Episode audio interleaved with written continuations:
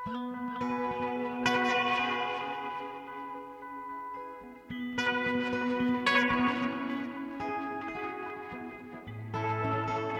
og sæl, kæri hlustendur.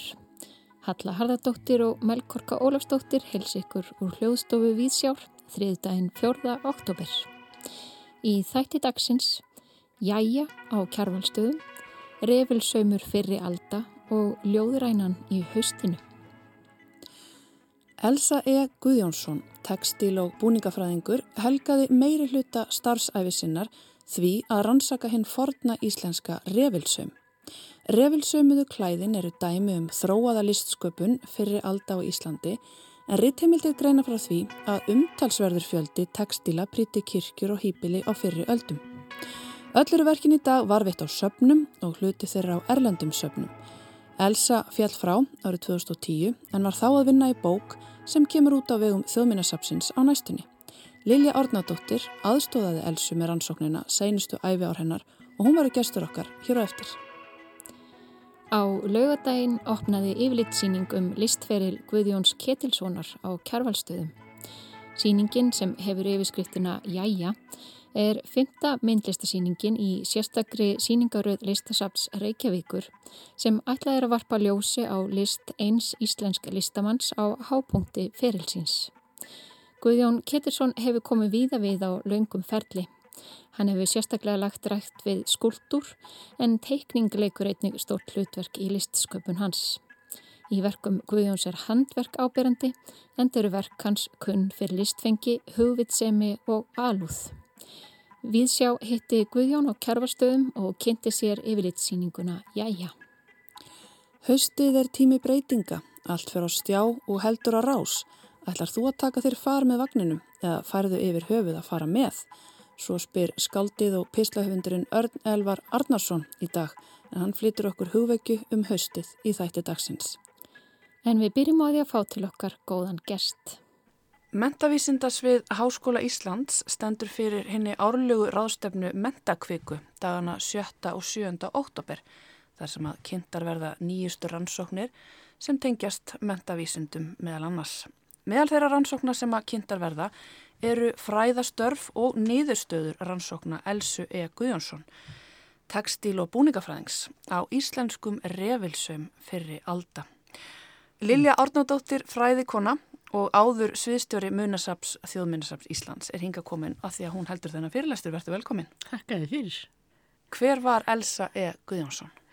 Hún var kona sem helgaði lífsitt mjög mikið rannsóknum á íslenskum tekstílum, bæði búningum kannski fyrst en síðan útsömi, hún lærði í, í, í bandaríkjónum eftir stríð og hún var fyrst fætt 1924 þannig að hún var svona eins og sömu kynslu og foreldra mínir þegar ég hefstar á þjóðminnarsafninu fyrir mörgum árum síðan þá var hún svona stórpinn þar og hafði þetta sérsvið sem var textilið, það var hennar helgidómur mm -hmm. og strax í námi í Seattle í bandaríkjónum þá sagt fer hún að skoða þennan revilsöum sem að menn hefðu áður komið auga á að væri þetta aldrei sérstatt fyrirbæri.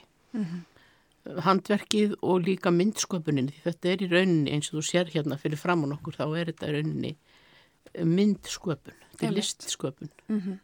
Teksti í vefnað? Í Já, sögur, sögur, sögur sagðar í vefnað, Já, mm -hmm. ekki vefnað, þetta er útsömmur. Já. Og hún sem sagt fór í það að finna út hvað væri til að verkum frá Íslandi sem væri heil það var, það var mikið talað um þetta í annálum og kirkjubókum það tala um repla og það tala um alltarisklæði og alls konar fínar veftir sem að kirkjunar áttu eða það er mjög takmarka sem er til að því frá þessum þetta, þetta gömlum tíma mm -hmm. elstu alltarisklæðin eru tímasett til um 1400 mm -hmm. áður hefðu, hefðu menn haldið að þetta væri talsvægt mikið eldar það var svona þessi romantíska sín mm. að menn hefðu búið þetta allt um leiður sögur sögurnar en þetta hefur reynst yngra. En af hverju hefur þetta varðist ítla? Er það vegna þess hversu... Þetta er náttúrulega svo forgengilegt efni mm -hmm. Og svo hefur þetta verið notað upp aftur og aftur. Þetta hefur ekki þóla ljós eins og þessi klæði sem ég er með er náttúrulega allt saman svona sem að var hljekk upp í kirkjum. Mm -hmm. Og kannski endur nýtt? Endur nýtt eða, eða bara látið duga og síðan er því bara fargað. Um. Svo var þessara listsköpun kannski ekki síndi af mikil virðing og annari eða hvað? Ég, það er erfitt að, erfitt að segja, allavega þá nöyt þetta, þetta, þetta fekk, fekk aðtigli sem sýnir sér til dæmis í því að nokkur klæðana eru í erlendum söfnum. Mm -hmm. Þau eru náttúrulega í Danmörku, þar eru þau flest sem eru utanlands. En það var þeim sapnað uh, kerfisbundi til Danmörkur á sínum tíma, svona áður við eignuðumst sapn. Já. Og síðan er eitt í Fraklandi, í Lúr, hangir þar á besta stað. Einmitt. í síningarsalinum um aðra miðaldagrippi.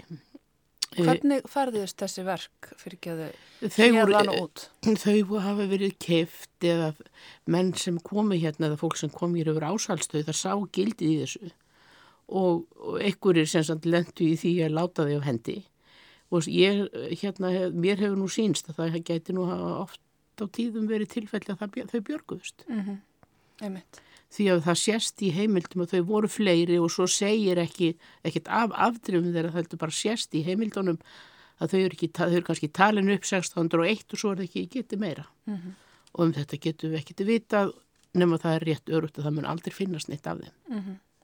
Og Elsa hún eitti megin hluta sinnar starfsæfi í það að rannsaka þetta og leita uppi verk. Já, það voru nú svo sem ímsi sem hafði gert það líka sko en hún fór í fótspór þeirra og ég og þeir sem þekkja Elsu þekktu Elsu vel vita hversu nákvæmul var.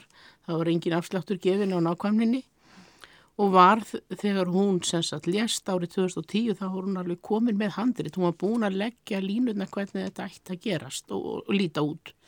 Og ég senstu árin sem hún lifði þá fór ég til hennar oft á 50 dögum og var með henni og hún kendi mér og ég reynda að hjálpa henni sem var það fólki í því að draga að henni efni og finna á netinu og koma með bækur og svona og þetta var náttúrulega ávið háskólanámi sjálfu sér í þessum síðan sem þetta er það þannig að eftir að hún fellur frá að þá ætla ég að halda þessu áfram auðvitað og fekk til þessu fullan stuðning og það er sem sagt ætlun þjóðminnasaps Íslands að gefa þessu bók út. Það er vonu henni bara bráðlega, ekki? Já, jú, það er, við erum búin að vera að vinna með Mörður Arnarsson með mér í reittstjórnin í þessu og þetta er mikil vinna af því við bæði þekktum elsum vel að þá verður engin afsláttur gefin á nákvæmninni það er farið alltaf þegar fólk á, eða þegar fólk hefur átt leið til útlanda eins og mörður, ég menn að hann verið í New York í sumar, þá notaði hann tíman til þess að fara inn á eitthvað bóka samt til að tekka einhverja eina heimild, en það er ekkert, engin afsláttur. Var... Og þetta, ver, þetta er bara mjög skemmt, þetta er að koma, þetta er að renna saman, mm -hmm. en útgáfa á svona verki, það er ekki dálöpaverk. Nei, ég trúi því. Já. En þú hefur sér satt bara dottið inn í hennan heim nánast óvænt eða hvað? Þegar Já, þetta var auðvitað þegar ég kem ung kona til starfa þjóðmunusafnum þá tók maður eftir allum þessum textíl. Hann hafði textílverk af ímsutægi, höfðu einhvern veginn ratað hinn á þjóðmunusafni. Þeir sem hafði unnu þar uh, ára uh, tugina áður, þeir höfðu sagt, komið auga á þetta hvað var mikið tilvarfitt bæða búningum, skarti og svo þessum söður láklæðum sem voru náttúrulega bara til á hverjum bæ og það er mikið samt til af í safninu og svo í byggðarsöfnum líka en þessi revilsöymur er alveg sér á bladi. Af hverju hann alveg sér á bladi?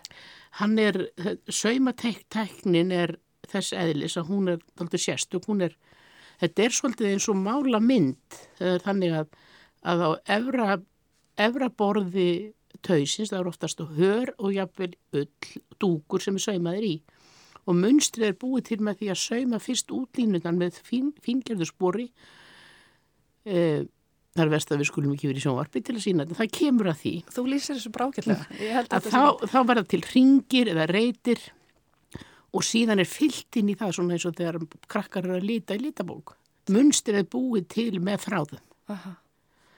og svo það sem hefur komið ljós, í ljós og fólk svo sem þekkti að það voru gefnur út hér, það var hérna þetta fræga handrið í Íslenska teknibókin að þar er hægt að finna hliðstæður við myndheiminn uh mhm. -huh. í erlendum handritum, í öðrum verkum en það sem er náttúrulega, það sem er svona allskemtilegast við þetta er það eru engin sambarileg verk til í öðrum löndum Já. Þar voru þeir voru... Eru það að tala bæði um tækni eða myndteim eða hvað er að tala um? Tæknin var til. Mm -hmm. Frægasta verkið með reyfilsömi er náttúrulega þessi bæjureyfil í Fraklandi. Mm -hmm. Þetta er, þetta er svo sama saumatækni mm -hmm. og hér var aldrei ofið að neinu markið, það er mjög ekki til neinar engar leifar um það á, áþreifanlegar. Mhm. Þetta var, þetta var hérna, það var ekki sko munstur við þetta ofið klæði. Mhm. En ekki svona munsturvefnaður eins og fylla allir, allar hallir í útlöndum. Hér hafa það verið að því er heimildinar herma, það hafa verið replar og vekkjum sem voru það svona langt tjöld, aflöng tjöld sem að bæði ekki hús og kirkju voru tjöldað, tjöldað innan. Mm -hmm. Og þrátt fyrir að repla, orði revill komi fyrir í mörgum heimildum þá er aðeins einn revill varveitur.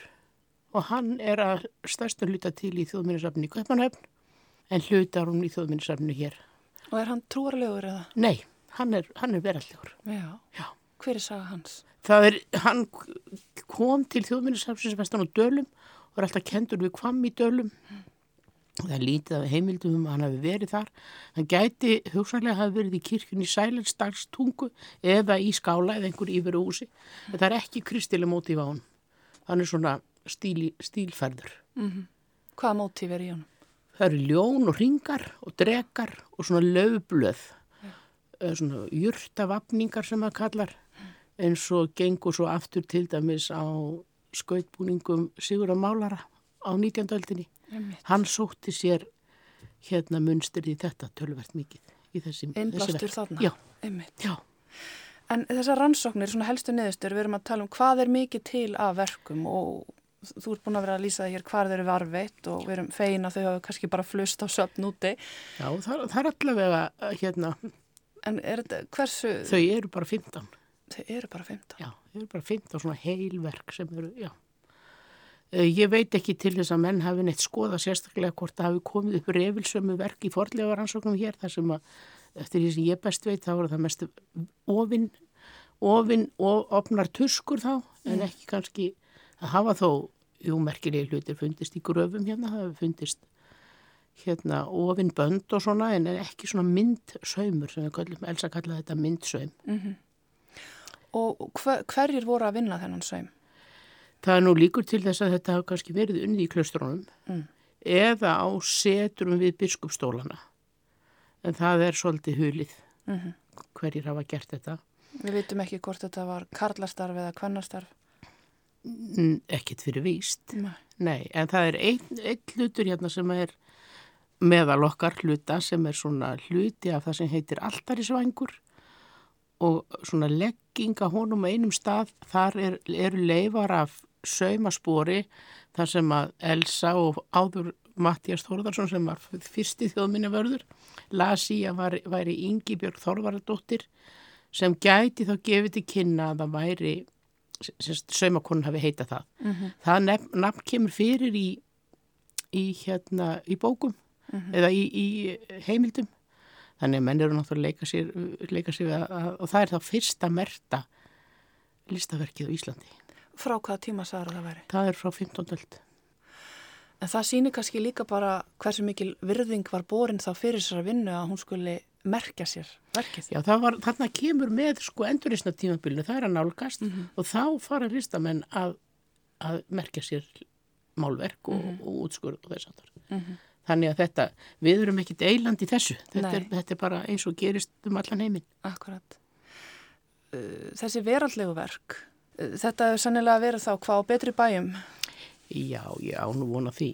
því að þetta, þetta er, kostar mikið að búa svona til. Mm -hmm.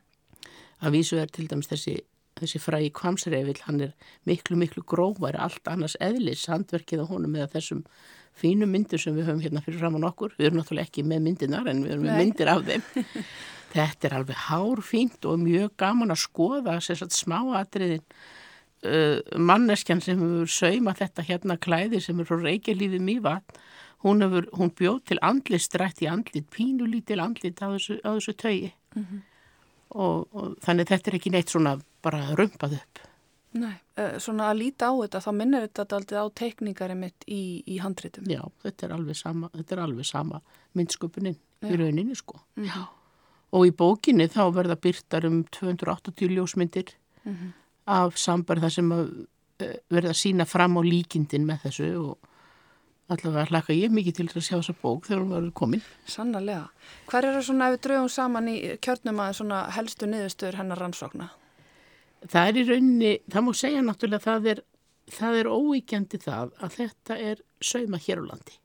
E, e, tímasetningarnar hefur hún getað hvað maður að segja, unni miklu nákvæmar heldur en í því sem hún hefur byrt hinga til og það bættist við í þessum síðasta fasa meðan hún var lifandi þá fórum við í það að ég hjálpaði að koma að því að sækja um styrk hjá Rannís til þess að láta vinna kólefnisgreiningar og við fengum ekki liðsynni frá raunvísistastofnun hér, Árni Svembistóttir það er þar aðalmanneskjan og hún skrifar kapla í bókina og með henni vann Jan Hænimægir við Árusurháskóla og þau hafa sem sagt náð miklu mikill færni í því að tímasetja með kólefnisgreiningu. Mm -hmm. Þetta er bara fag sem ég kann ekki og þau annars það. En það sem er skemmtilegt við það þegar við sjáum niðurstöðunar og fólk verður bara að býða eftir því að niðurstöður elsu út frá uh, rannsóknum hennar og skjölum og heimildum það er ganga í takti þessar kólefnisgreiningar. Spennandi, Já. nú er þetta byggjum miklu spennu fyrir bókina. Ég, það er meiningin. Já. Herði, þetta verður gaman að heyra, þú verður á mentakviðgu og mynd Já. kynna þetta nánar í fyrirlestir þar, áhuga saman hlustundur verður bara hlaupa þángað. Þeir verður bara flikjast í þángað. Já, Já, og svo býðum við bara spennt eftir þessari bók. Já. Takk innilega fyrir komuna. Ég þakka fyrir mig. Og við heldum áfram með þáttinn, pistillum haustið og heimsókn á síningu Guðjóns Ketilssonar á kjarvalstöðum framundan en fyrst skulum við setja eitt lag á fónin. Í gær heyrðum við nýtt haustlag Múkissonar, haustdans kallast það, en nú setjum við eitt klassist á fónin, Autumn Leaves. Það hafa auðvitað fjölmarkir listamenn gert þetta lag að sínu, en hér er það í fluttningi Bob Dylan.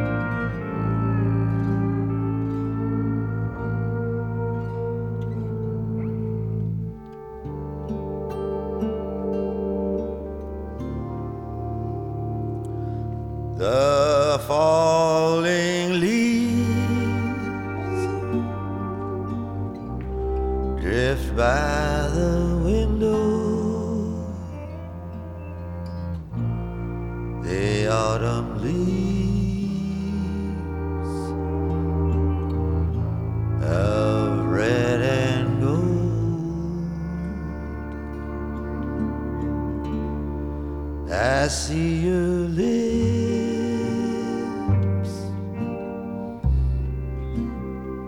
The summer kisses.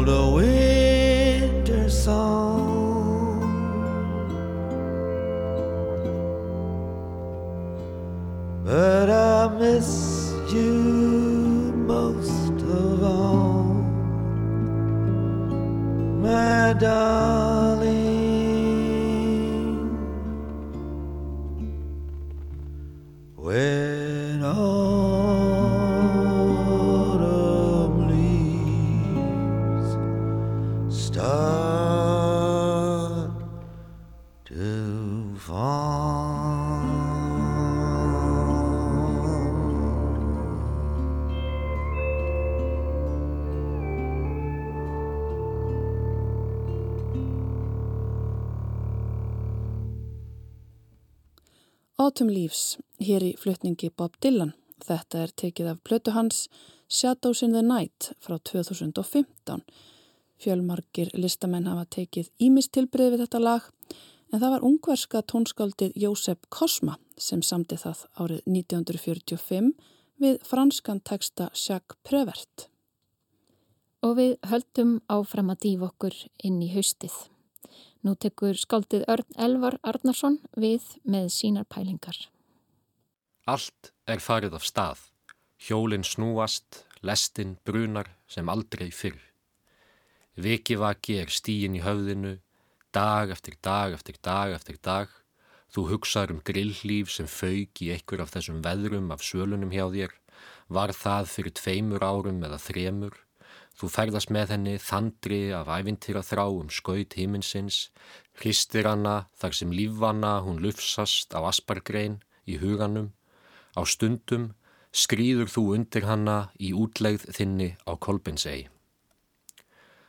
Símin er sennilega bilaður, hann ringir ekki lengur og börnin sem þú fylgir í skólan eldast um nokkur ár við það eitt að býða eftir græna karlinum í gönguljósinu.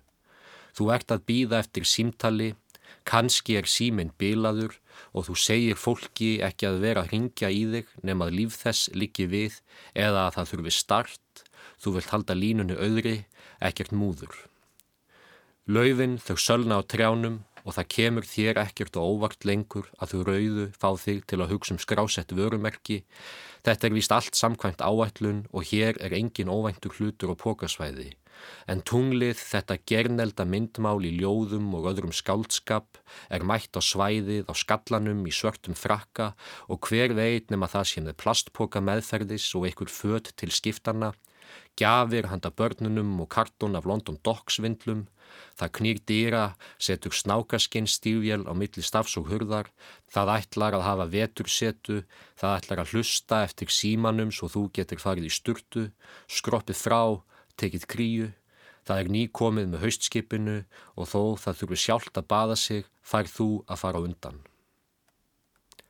Allt er farið af stað, hjólinn snúast og þyrla svifriki inn á brúðkaupsmyndir sem er verið að taka undir berum himni og sólinn hangir í fjallarhingnum, lútir höfði eins og yfir spilakassa, situr á fjallinu keili sem er á kvolvi og lestin brunar sem aldrei fyrr, beint úr gömlum vestra, beint úr vekjaraklukkunni, ílvrandi af öllu afli á náttborðinu og framkvæmir keiluskurð á morninum. Þú kastar mæðunni eftir draumfarir sem flestar er á þann veg að síminn sé síringjandi en þú finnur hann hvergi, þú leitaðir í herbergi gamallag skólasýstur þinnar en fannst bara máfsunga, leitaðir í hanskahólfin á bílnum en þar var ekkert nema hvít dúa, þegar þú vaknar og kíkir á síman fullvisa þú þig um að hann virk ekki alveg öruglega. Kíkir á vefmiðlana, hugleiðir hlutskipti, ríkir á þjóða og snöðra, laumast í dagbóku lauruglunar, lest hugleiðingar veðurfræðings, sérð mynd af fjármálar á þeirra þar sem hann var að kynna fjárlög og af myndina dæma er hún hans fyrsta ljóðabók. Þú kannar eigið lánshæfismat og í leiðinni fullvissar þú þig með fingrafara lesarannum að þetta sért enn þú, skimar út á flóan, hver veit nema frændið þinn sé við það reku upp í fjöru, Dreigið hefur verið gardinar frá veröldinni og þá sérðu ekkert nema skemmtifærðarskip í allri sinni dýrð á fullu stími og gott ef ekki er gámaskip þarna líka við sjónarönd. Allt er komið af stað, vélinn mallar, bara skamma hríð í lausagangi. Þú ert að býða eftir símtali og það er engu líkara en að mistök hafi orðið hjá símfyrirtækinu þegar þú færðir viðskipti þín og sviði fjarskipta annað. Gilli bóðum á segja tálsín vítavert kæruleysi þeir hingdu að vori og spurðu hvernig þú hefur haft það síðan þú hættir með þeim. Skýtt svaraði þú Þeir lofuðu bót og betrun, stígu í vangin við þig, þjónustu fulltrúin var þá ekkert nema bara hillingar sem dönsuð á glukkakistunni fyrir fram að nefið þitt og söluræðan skjall sem hann kvíslað að þér á meðan þú rausaðir um eðileggingar af ástarinnar og hækkaðir í opnunum. Verið er að ræða höfbulsjónugan og fjárfestingakost í öðrum vetrabrautum. Einhver sem einhver þekkir til vinnur hjá fastegnafélagi sem ætlar að fjárfesta í þessari vetrabraut lengst til vinstri. Þar verða hluteildalán í bóði, geggjaðar íbúðir, allar eins, þær eru einegja.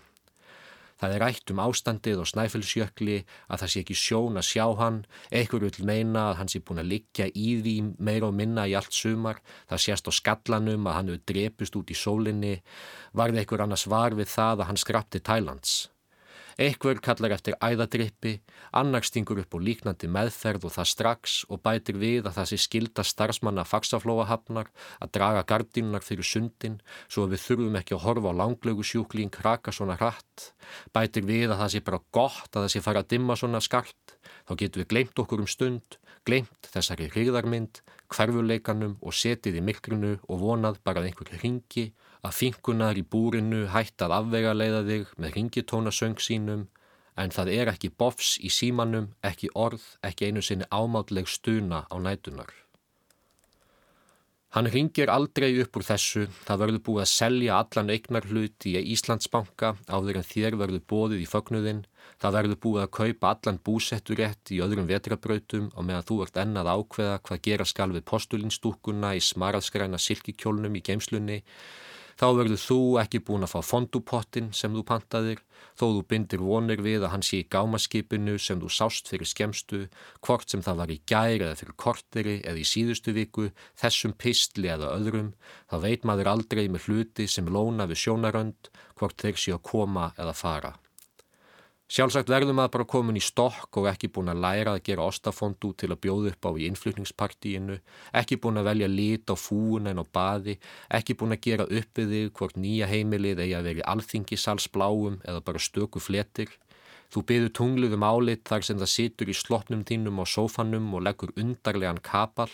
Það segir að það skipti ekki máli, eina sem skipti máli sé að þú sért heitlandi með vinstri græna augskuggan og flokksblái varaliturinn farið þér vel og hann vil minna þig á að þú eigi nú alltaf vegabrif.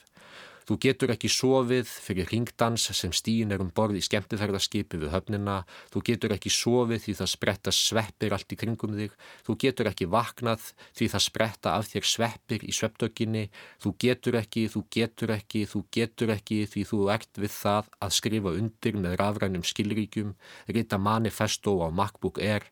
Þú getur ekki sofið því þú veist ekki hvar grillhlífin er niðurkomin, hvort hún sé flægt í spöðum TF-SIF.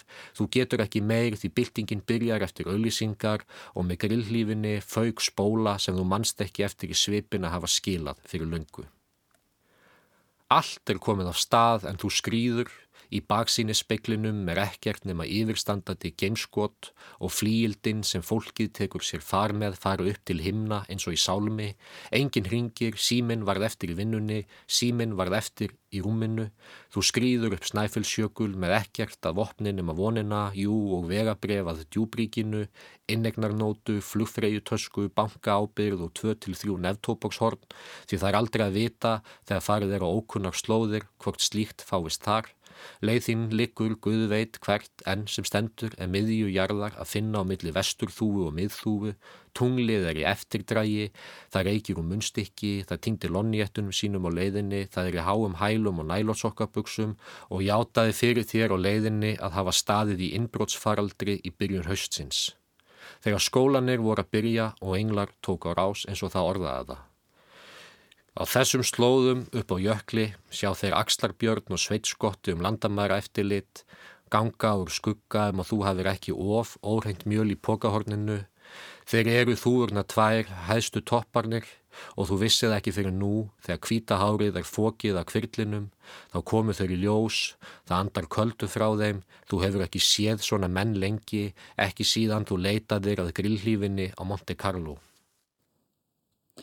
hugveikja um haustið frá Erni Elvari Arnarsinni. En þá höldum við á kjarvalstaði. Við sjá hitti myndlistamannin Guðjón Ketilsson fyrir framann eitt verka hans á yfirlitsýningunni Jæja á kjarvalstöðum. Þar má sjá langa röð af vandlega unnum verkværum með óræðan tilgang. Ég spurði Guðjón hvort ég er værum að ræða vísbendingar um einhverja atbyrðará sem gerist fyrir utan þetta rými og hvort það væri eftir vill lýsandi fyrir fleiri verk hans. Já, ég hugsa það nú. Sko, þessi verkværi, ég hef alltaf verið daldir hrifin af svona byggðasöfnum og ga finnst gaman að skoða gripi sem að eh, eiga sér langa sög en maður sér ekki strax svona já, tilgang eða, eða hérna, verksvið og, og getur nálgast að það er leiðandi kannski bara sem uh, myndlistaverk eða, já, hluti.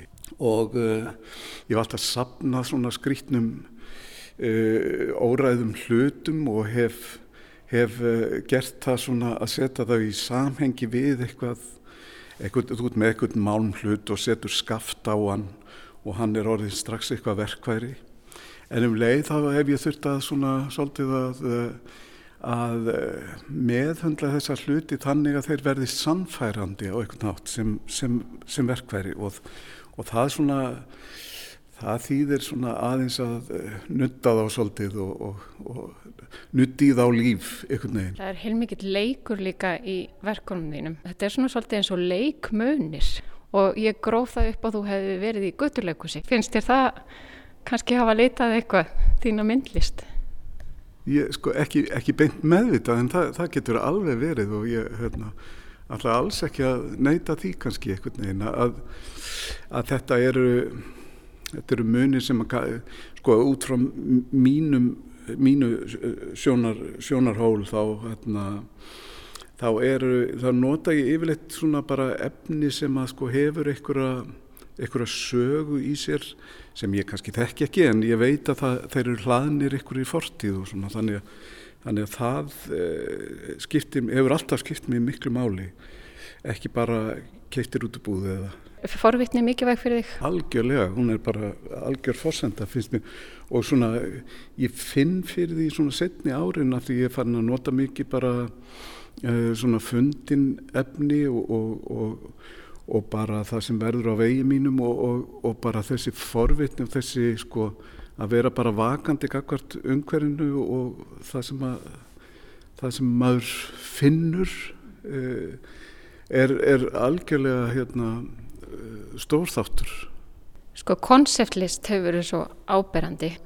Það kom upp í huga mér þegar ég kom hérna inn svona mynda þér þar sem þú ert að púsa það er rosalega mikið handverkina inni og einhver kemur hérna inn með postulínskál og þú lítur upp og segir jæja og lítur svo aftur niður á handverki hvernig eh, sko það lítur að þurfa alveg sérstaka sterka sterkan drivkraft til þess að halda þinni aðferðafræði í svona afgerandi áherslu á kannski konseptið Já, ég er náttúrulega, alin upp á, á þeim tíma sem að sko, sem að konsepti var og, og sem sagt, e, já, og hérna í hávegum haft og, og í raun og veru hef ég alltaf haldið í kannski svona, já þar sé að sko til dæmis það að efni, efnisval og efni kemur á eftir hugmynd skilur.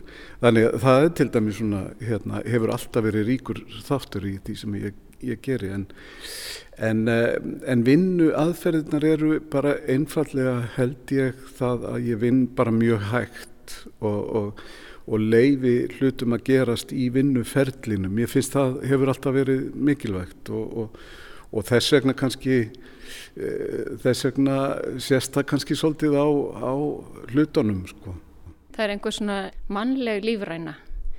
Kannski út af handverkinu öllu þá er svona eins og eitthvað svona finleg náttúrleg tilfinning yfir verkonum svona þegar maður stendur inn í þessum sál Já, sko, ég veit ekki vant um þú talar um húmor til dæmis að ég, sko, þá, þá skil ég það þannig að, að sko á, á eitthvað svona mannlegan hátt ekki, ekki fyndin, skilur en, en svona á eitthvað einhvern uh, hlýjanhátt mér þykir bara væntum það að heyra það. En svona það sem að maður leggur upp með er kannski ekki, ekki endilega það element heldur svona frekar uh, bara að nálgast á, á svona sjónarannan hátt sko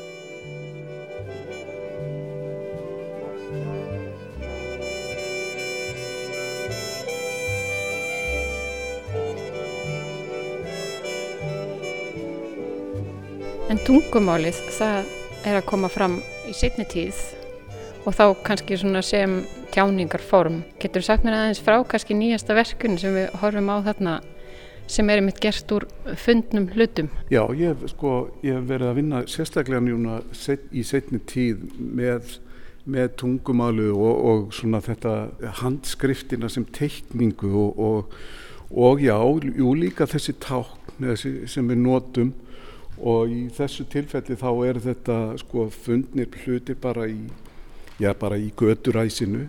Og ég einhvern veginn hef alltaf svona eh, litið á bara næstu því sem bara skilaboð.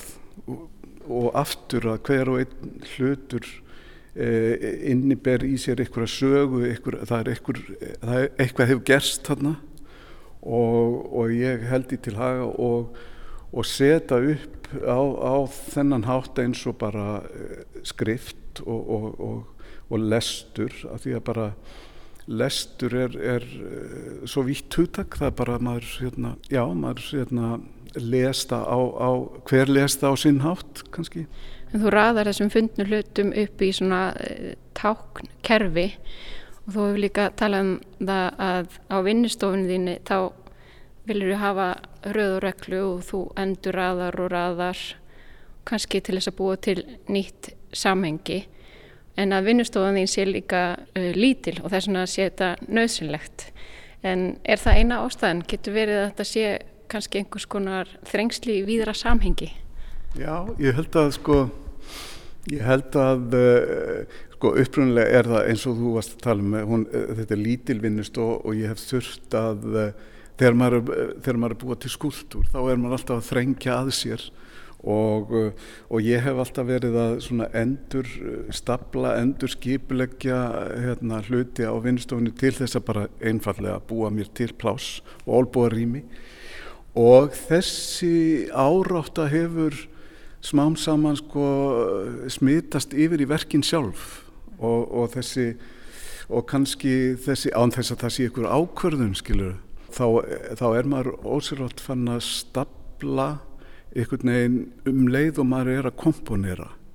Um leið og maður er að byggja upp myndverk að þá þá fælst það aldrei í því að setja hluti saman og, og, þeir, og það myndi eitthvað Eh, samband á milli hluta og allt þetta.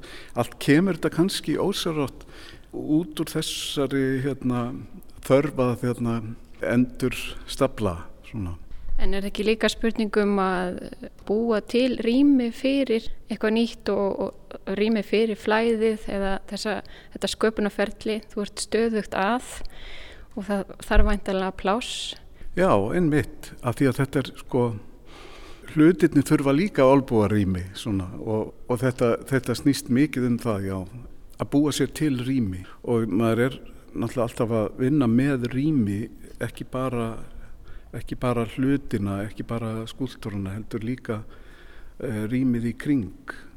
Eins og kannski er líka hægt að sjá svolítið á þessum hérna, nýju ljósmyndaverkum þarna, sem að eru það eru glugg, það er gluggi í á vinnustofunni þar sem ég hef sett svona hillu eða já, hillur í gluggan og, og, og, og stilt þar upp eh, svona bara efni við teiprúlum, böndum og alls konar ráefni sem ég nota og alls konar hlutum af vinnustofunni. Og þessi hérna venja eða þetta, þetta að leggja þetta frá sér þarna í gluggan það, eh, það bjóð strax til einhverja svona Ég fór strax að, að, að raða þeim upp á sjónrænan hátt bara eins og mynd, eins og glukkin er mynd og, og ég í raun og veru horfi á umhverfið fyrir utan í gegnum hlutina sem ég hef stilt upp og, og tók sagt, ljósmynd af þessu að innan og út þegar allt var að grænka sagt, á sumar sólstöðum og notaði þann dag. Og síðan leiði ég hlutunum að vera í glukkanum fram í desember á, á vetrasólstöðum tók ég svo mynd að utan og, og þá sér maður bara ljósið fyrir innan og, og hlutina svona eins og, og síluettur eða Þetta minnir mjög aftur á einhvers konar leikhús eða leikmynd og við stöndum hérna við fjöldan allan af skóm og svo erum við með ímsa hatta og höfufödd og hár og slæður og trefla. Sko, ertu að bjóða þeim sem kemur inn að setja sig í karakter eða er þetta einhvers konar hverstasleikus? Þetta er mér, bara mjög gafna að heyra þetta. Ég hef ekki hugsað þetta þannig sko. En, en í raun og veru þetta sem verk sem við stöndum hérna fyrir framann sem heitir Skjel eh, það, er, það er svolítið gaman að setja upp svona þegar maður setur upp svona yfirleitt síningu að maður hérna sér hluti í eh, ákveðnu samhengi sem að maður hafði ekki átt að sig á af því að einfallega þegar maður er að, eh, í sköpunarferlinu þá er maður ekki endilega að setja eh, hlutina beint í samhengi, stórt samhengi eins og þetta er þegar maður hérna, setur upp svona yfirlitt síningu uh, en þá til dæmis tek ég eftir því að, að sko að ímis, hérna, þú nefndi til dæmis skó að uh, ég hef notað í gegnum árin skó í alls konar uh, alls konar verk og, og í alls konar samhengi. Og, og þetta sé ég betur núna heldur en ég hafði, hafði kannski hugsað úti og ímis önnur til dæmis húsaformið og klæði og í raun og veru ímislegt sem að tengist uh, líkamannum á, á, á eitthvað nátt eða, eða eins og í tilfelli skona að þú veist þá er það bara hérna bara staðgenglar fyrir restina af manneskjunni sko. og ef við út í það er farið þá er verkværin sem við vorum að tala um áðan bara einfallega framlenginga af líkamannum það er bara, það er bara þann og, og ég hef svona í gegnum árin verið að fást við svona þennan þetta þessa líkamstengingu og þessa hérna hliðstæður allar á eitthvað nátt. Þetta eru náttúrulega svona ákveðin kannski hilki utanum tilveruna, bæði hús og, og klæði. Já, til dæmis eins og, eins og hús, uh, þá kannski nálgast ég það ekkit, ekkit sérstaklega svona út frá einhverjum arkitektóniskum hérna hliðum heldur einfallega bara sem uh, lítil hús fyrir, fyrir mannesku sko, sem bara eins og maður horfir á klæði eða, eða skikju eða hjálm eða skó eða eitthvað. Og þetta er allt yfirleitt eins og verki hérna sem er fyrir utan viðsnúningur uh, símaklefin sem ég gerði austur á Seyðisfyrði og hús, þetta eru yfirleitt sko lítir, litlir klefar eiginlega sem passa bara akkurat fyrir eina mannesku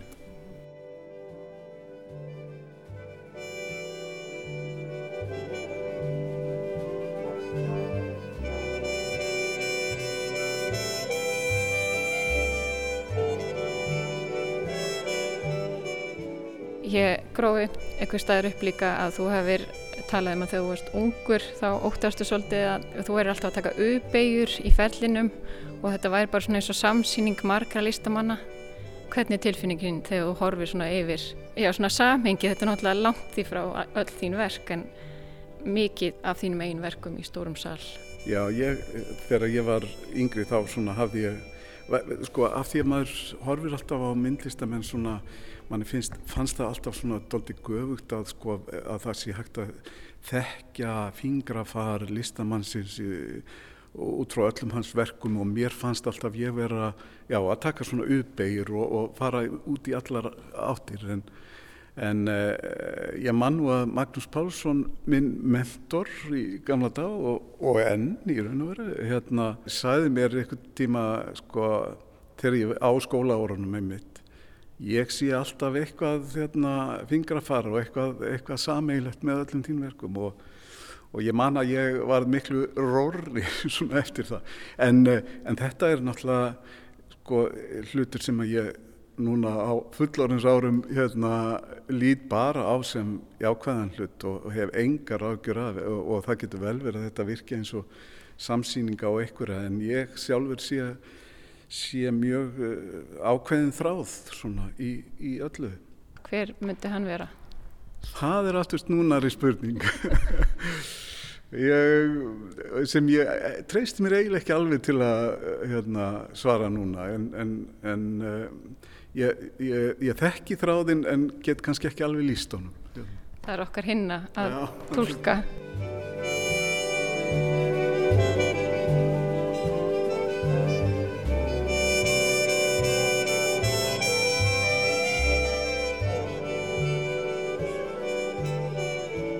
stöndum hérna núna fyrir framann niður skorinn málverk og mjög fingerðar lýsingar á því hvað hefði mótt sjá. Já, þetta var sko, ég, e, já, nýjunda, nýjunda áratögnum, 80 eitthvað, þá, þá, þá málaði ég um skeið og, og eins og þetta, það, það voru náttúrulega allir að mála á þeim tíma og ég hafði rúlað þessi, þessum stregum upp í svona rullu og, og gengt á vinnustofinni og eins og, eins og, áðan, eins og ég saði áðan að þá þá hef ég alltaf sko verið að endur stabla og endur skipilegja og, og þessar rúllur hafa alltaf veitna, eða vöndlar hafa alltaf verið e, sem sagt ég hafi skrifað á það lýsingu á málverkunum. Þetta voru fíkuratív málverk og eru og hérna og uh, ég þurfti aldrei að rúla þeim út af því að ég sá bara lýs, hvernig lýsingi var og, og og bara þessi lýsing var þeila til þess og líka það ég hafði eh, orðið vittni að e, þegar vinkona mín Þórun Hjartadóttir var að lýsa málverkarsýningu fyrir blindu fólki hér einmitt á kjárfastöðu að e, ég sá ákveðnal bara laust á því að uh, gera ný verk út úr, út úr þessum málverka vöndlum og, og bað hana að lýsa málverkunum í, í, hérna, í stuttu máli og, og skrifuðu.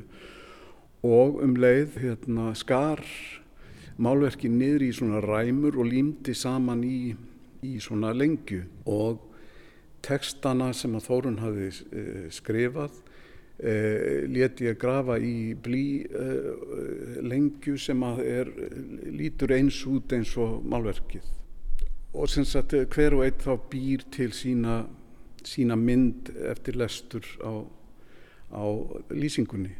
Er þetta hafna málverkinu sem þá aðferð?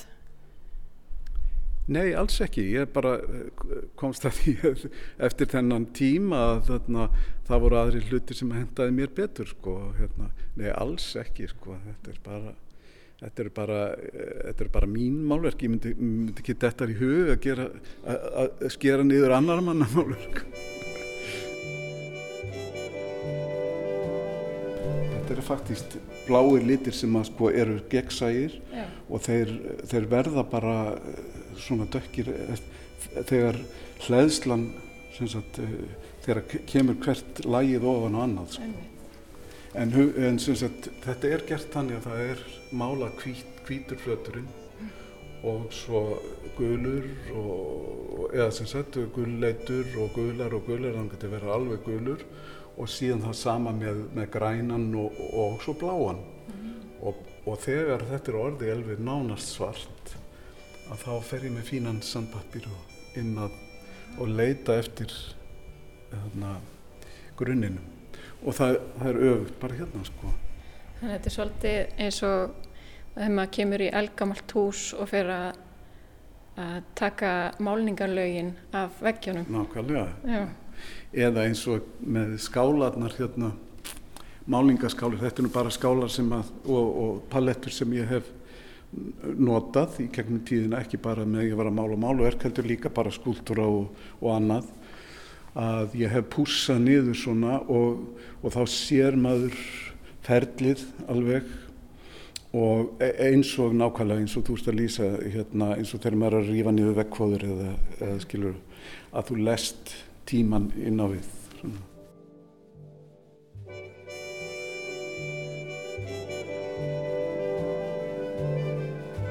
Já, þetta er faktist bara stór sjálfsmynd. Þetta, ég hef, hef, hef uh, svona leitað eftir og, og það er í raun og líka það sem ég hef gert með marga svona tréskúltúra að svona leita eftir ykkur uh, hvað, hvað tré til dæmis á sameinlegt með húðinni, bæði í lit og áferð og, og svona. Uh, í þessu tilfelli þá er þetta blíjanstekningar þar sem ég er að skoða bara húðina bara eh, með stekkunagleri og, og eh, gera einhverja hliðstæðu svona út frá þessum fyrirmyndum sko. eins og húðin hérna í vanganum uh, lítur út eins og, eins og, eins og prjónu peisa eða eitthvað svo leiðis og, og þá hef ég bara gert það mm. og eins með þetta þegar, þegar hérna, þú lítur á ylina þegar þú er búin í baði og hún krumpast svona eins og eins og, eins og öldur. Herði, ég þakka bara kærlega fyrir okkur.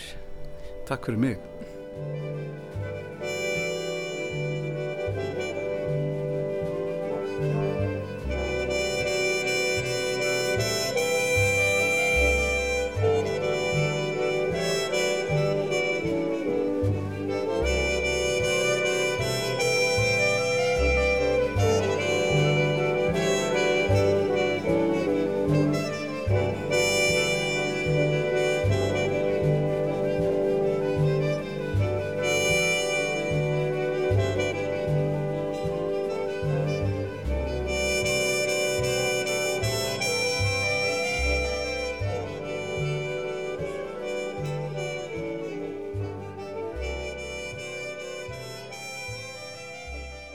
Miles Davis og Here Comes the Honey Man. Við heimsóttum kjárvalstæði og hittum þar Guðjón Ketilsson. Og hér andur við þáttin í dag. Verðum að sjálfsögðu aftur með ykkur á morgun. Takk fyrir samfélgina og verðið sæl.